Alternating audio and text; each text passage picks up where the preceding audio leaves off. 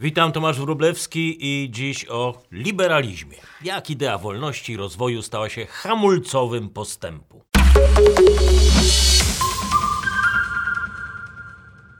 Czym jest ten współczesny liberalizm, niegdyś fundament nowożytnej cywilizacji zachodniej prosperity, dziś utożsamiany ze stetryczałymi elitami kurczowo trzymającymi się instytucji broniących y, status quo, a nie wartości, dla których zostały powołane.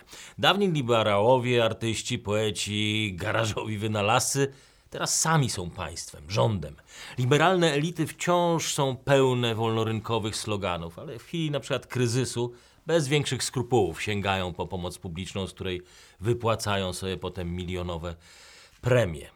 Sędziowie, profesorowie, prezesi ponadnarodowych instytucji z kadencjami na resztę życia, koncesjonowane profesje ograniczające innym dostęp do lukratywnych stanowisk, ale wszystkich innych nawołujące do liberalnej otwartości.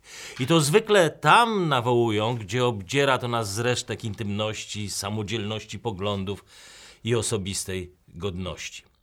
Dla współczesnych liberałów otwartość to na przykład wpuszczanie do damskich toalet niezdecydowanych seksualnie transwestytów.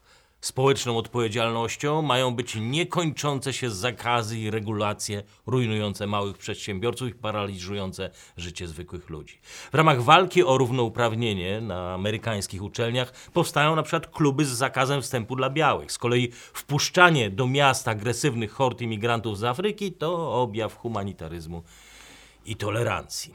Wzniosłe słowa, stare brzmienie, ale wymowa liberalnych moralizatorów coraz mniej ma wspólnego z oryginalnymi założeniami liberalizmu. Sama idea, przypomnę, zrodziła się na przecięciu dwóch potężnych sił miotających Europą w końcu XVIII wieku. Z jednej strony koszmarne doświadczenia rewolucji francuskiej, z drugiej amerykański zryw wolnościowy. Wielcy tamtego świata zachodzili w głowę, jak Europa może na nowo odnaleźć swoje miejsce w świecie, wyzwolić ludzką energię i podążać za dynamicznie rozwijającą się Ameryką, ale z drugiej strony, żeby za szybko nie wpaść w pułapkę jakobińskiego ekstremizmu. Myśliciele XVIII i XIX wieku, John Locke, John Stuart Mill, Adam Smith, zostawili nam po sobie pełen warsztat liberalnych narzędzi. Przez kolejne 200 lat wykorzystywaliśmy je i pozwalały one ludzkości zręcznie nawigować między dyktaturami, komunizmem, faszyzmem. Pierwszy prawdziwie liberalny ustrój zawdzięczamy o dziwo Hiszpanom w 1812 roku w czasie wojen napoleońskich zbuntowana junta wojskowa, żeby zjednoczyć naród i dać ludziom coś równie atrakcyjnego co francuska republika, uchwaliła konstytucję marcową. W zamian za lo lojalność oferowała swoim obywatelom wszystkie najważniejsze wolności, w tym oczywiście wolność gospodarczą. No, jak tylko Napoleon wyniósł się e, z Hiszpanii, to król Ferdynand VII w 1814 roku unieważnił konstytucję. Ale mimo to od tamtych czasów, za każdym razem, kiedy rządy zbyt wygodnie rozpierały się w swoich fotelach, kiedy dyktatorzy czy ludowi uzurpatorzy monopolizowali władzę, to liberalizm dawał natchnienie przyszłym rewolucjonistom, dawał nadzieję ludziom na lepsze życie. W przeciwieństwie do konserwatystów, liberałowie uważają zmianę za immanentną część ludzkiej natury. Ferment i niepokój społeczny są nieodzowne dla pobudzania ludzkiej kreatywności i konkurencji. W przeciwieństwie do marksistów, nie wierzą, że postępowi technologii nauki towarzyszy również postęp czy zmiana natury ludzkiej. Ale podobnie jak konserwatyści, uważają, że natury nie możemy i nie powinniśmy zmieniać. Co najwyżej możemy tworzyć lepsze narzędzia do pokojowego współistnienia, gwarantując ludziom wolności osobiste. Ze wszystkich wolności najważniejsza według Smysa jest wolność gospodarcza. Nie tylko dlatego, że daje fundusze na finansowanie pozostałych wolności, jak demokracja, ale dlatego, że dobrobyt i niezależność ekonomiczna daje ludziom perspektywę lepszego życia. Zniechęca ich do prowadzenia wojen. Wcześniej liberałowie, jak John Stuart Mill, ale ich i późniejsi wyznawcy, jak Hayek, mieli niemal religijne podejście do wolności rynkowych. No, tylko, że potem mieliśmy wielki kryzys 29 roku i ekonomiści z Johnem Maynardem Keynesem zaczęli mówić o racjonalnym interwencjonizmie. Ograniczona w formie interwencja państwa w rynek właśnie na wypadek takiej recesji jak w 1929 roku. Keynes był też zwolennikiem progresywnych podatków i publicznych inwestycji, choć sam uważał się za liberała. Tradycyjni ekonomiści jednak, jak Hayek, czy cała grupa liberałów z Friedmanem, Frankiem Knightem, George'em Stiglerem z tzw. szkoły chicagowskiej, trwali przy swoim. O keynesowskim liberalizmie państwowym Stigler napisał: To groźny oksymoron. Daje ogromną moralną siłę rządzącym, ale nie daje prawdziwej wolności obywatelom. Wcześniej czy później wolności gwarantowane siłą instytucji państwa, a nie siłą wolności rynkowych, staną się jałmużną i dobrą wolą, a nie prawem. To Stigler. W 1943 e, liberalny tygodnik, e, pierwszy liberalny tygodnik na świecie, The Economist, na stulecie swojego wydawnictwa napisał: Różnica między liberalizmem początku lat 30., to wtedy, kiedy była szkoła chicagowska, a burzliwym początkiem w XIX wieku polegała właśnie na roli państwa. Ale ja przypominam słowa Stiglera o wolności, która staje się państwową jałmużną. Przypominam je za każdym razem, kiedy rząd decyduje coś arbitralnie, kiedy Unia Europejska arbitralnie może uznać, że bogaci właściciele kont muszą zapłacić za długi banków. Jak to było w przypadku Cypru w 2009 roku. Że umowa cywilna jest mniejszą wartością niż dobro imigrantów, jak to było w przypadku relokacji imigrantów w Niemczech do mieszkań komunalnych. Wyrzucano dotychczasowych mieszkańców dla dobra imigrantów. Albo ostatnio w Kanadzie kiedy Sąd Najwyższy zdecydował, że uczelnię katolicką można pozbawić praw bycia uczelnią, bo doktryna katolicka byłaby obraźliwa dla osób innej płci, a to jest wartość ponad wolności religijne. Sąd Najwyższy.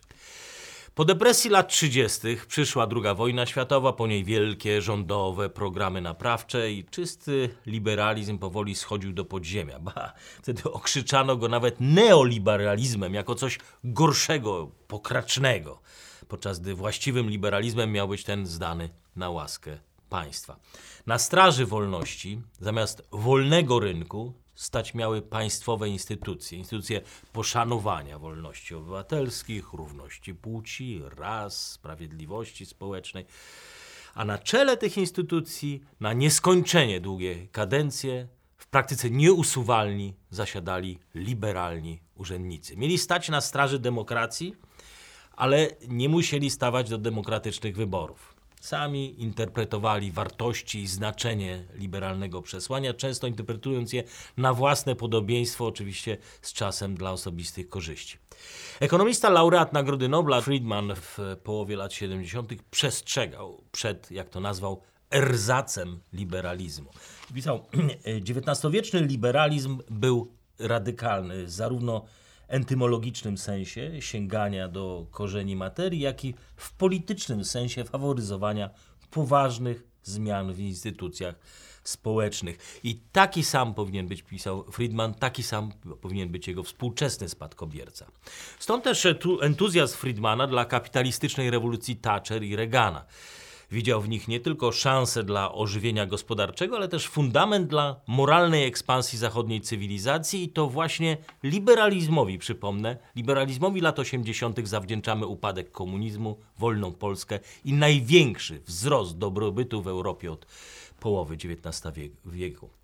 Ten e, niespokojny duch liberalizmu, o którym e, mówił, pisał Friedman, jego radykalizm, wieczna pogoń za poszerzaniem przestrzeni wolności i swobód gospodarczych, często zresztą na przekór i wygodzie rządzącym, spowodowały, że świat jest dziś naprawdę lepszym miejscem do życia niż te 150 lat temu. Według indeksu Maxa Rosera, e, polecam, krótka historia warunków życia na Ziemi, w XIX wieku 87% ludzi żyło w państwach rządzących przez dyktatorów. Liberalna rewolucja XX wieku spowodowała, że dziś 72% żyje w demokracji. Kiedy Adam Smith pisał swoje epokowe dzieło Bogactwo Narodów, niespełna 1% populacji umiał pisać. Dziś na 10 mieszkańców Ziemi 8 pisze i czyta. Największym jednak zwycięstwem liberałów było niewątpliwie uwolnienie rynków handlu. To dało nieograniczone możliwości produkcji i dystrybucji żywności. Pozwoliło praktycznie pokonać głód w takich krajach jak Indie. Na dobrą sprawę na całym świecie. W 1950 roku 75% ludzi żyła poniżej progu ubóstwa, dziś to już jest zaledwie 8%. Co tam cały świat? Popatrzmy na nas, siebie, na Polskę. PKB na głowę Polaka w ciągu 28 lat wzrosło o 800%. Dziś dołączamy do grup państw rozwiniętych obok Korei. To jest najbardziej imponujący awans liberalnej gospodarki po II wojnie światowej. A mimo to, mimo to 53% z nas nie widzi powodów do optymizmu w przyszłości. To samo zresztą dotyczy Niemców. Y, według ekonomista zaledwie 36% Niemców, 9% Francuzów uważa, że ich dzieciom będzie się żyło lepiej niż im samym. Rośnie też liczba osób, które mają nadzieję, liczą na to, że upadnie liberalna demokracja, a zwłaszcza liczą na odsunięcie od władzy liberalnych elit. W 95, 1995 roku zaledwie 7% Europejczyków miało dość demokracji. Dziś 18% mówi w Europie o potrzebie zmiany, nawet gdyby oznaczało to jakąś formę autorytarnych rządów. Paradoks? Pewnie tak, ale nie łączmy go z wczesnymi sukcesami liberalizmu, tylko z zasklepieniem się współczesnych liberalnych elit, których Nikt nie utożsamia już dzisiaj z filozofią niepokoju, buntu, walką, walki za wolność. Raczej ze stagnacją gospodarczą i hipokryzją. Liberalny establishment, zamknięty w kokonie własnego poczucia wyjątkowości, otacza się takim nibem tajemniczości. Jakby liberalizm był rzemiosłem tajemnej sztuki dostępnej tylko wąskiej grupie mędrców, ludzi odizolowanych od świata. Żyją w swoich Konstancinach, w ekskluzywnych dzielnicach, wyłącznie dla specjalnej kasty. Ich dzieci razem jeżdżą na wakacje, potem jeżdżą do tych samych londyńskich szkół i dostają te same posady. Tymczasem prawdziwy duch liberalizmu i buntu przeciwko skostniałemu establishmentowi unosi się w najbardziej zaskakujących miejscach świata. Dotychczas nieutożsamianych bynajmniej z wolnością, choćby w socjalistycznej Grecji, o ironio domagającej się niezawisłości banków i ograniczenia unijnego interwencjonizmu.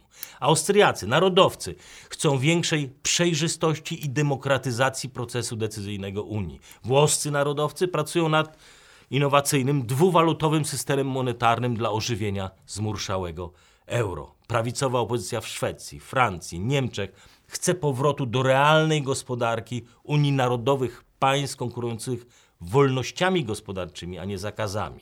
W Polsce to PiS sprzeciwia się karkołomnym przepisom paraliżującym wolność w, interesie, w internecie, a liberalna platforma broni korporacyjnych monopoli.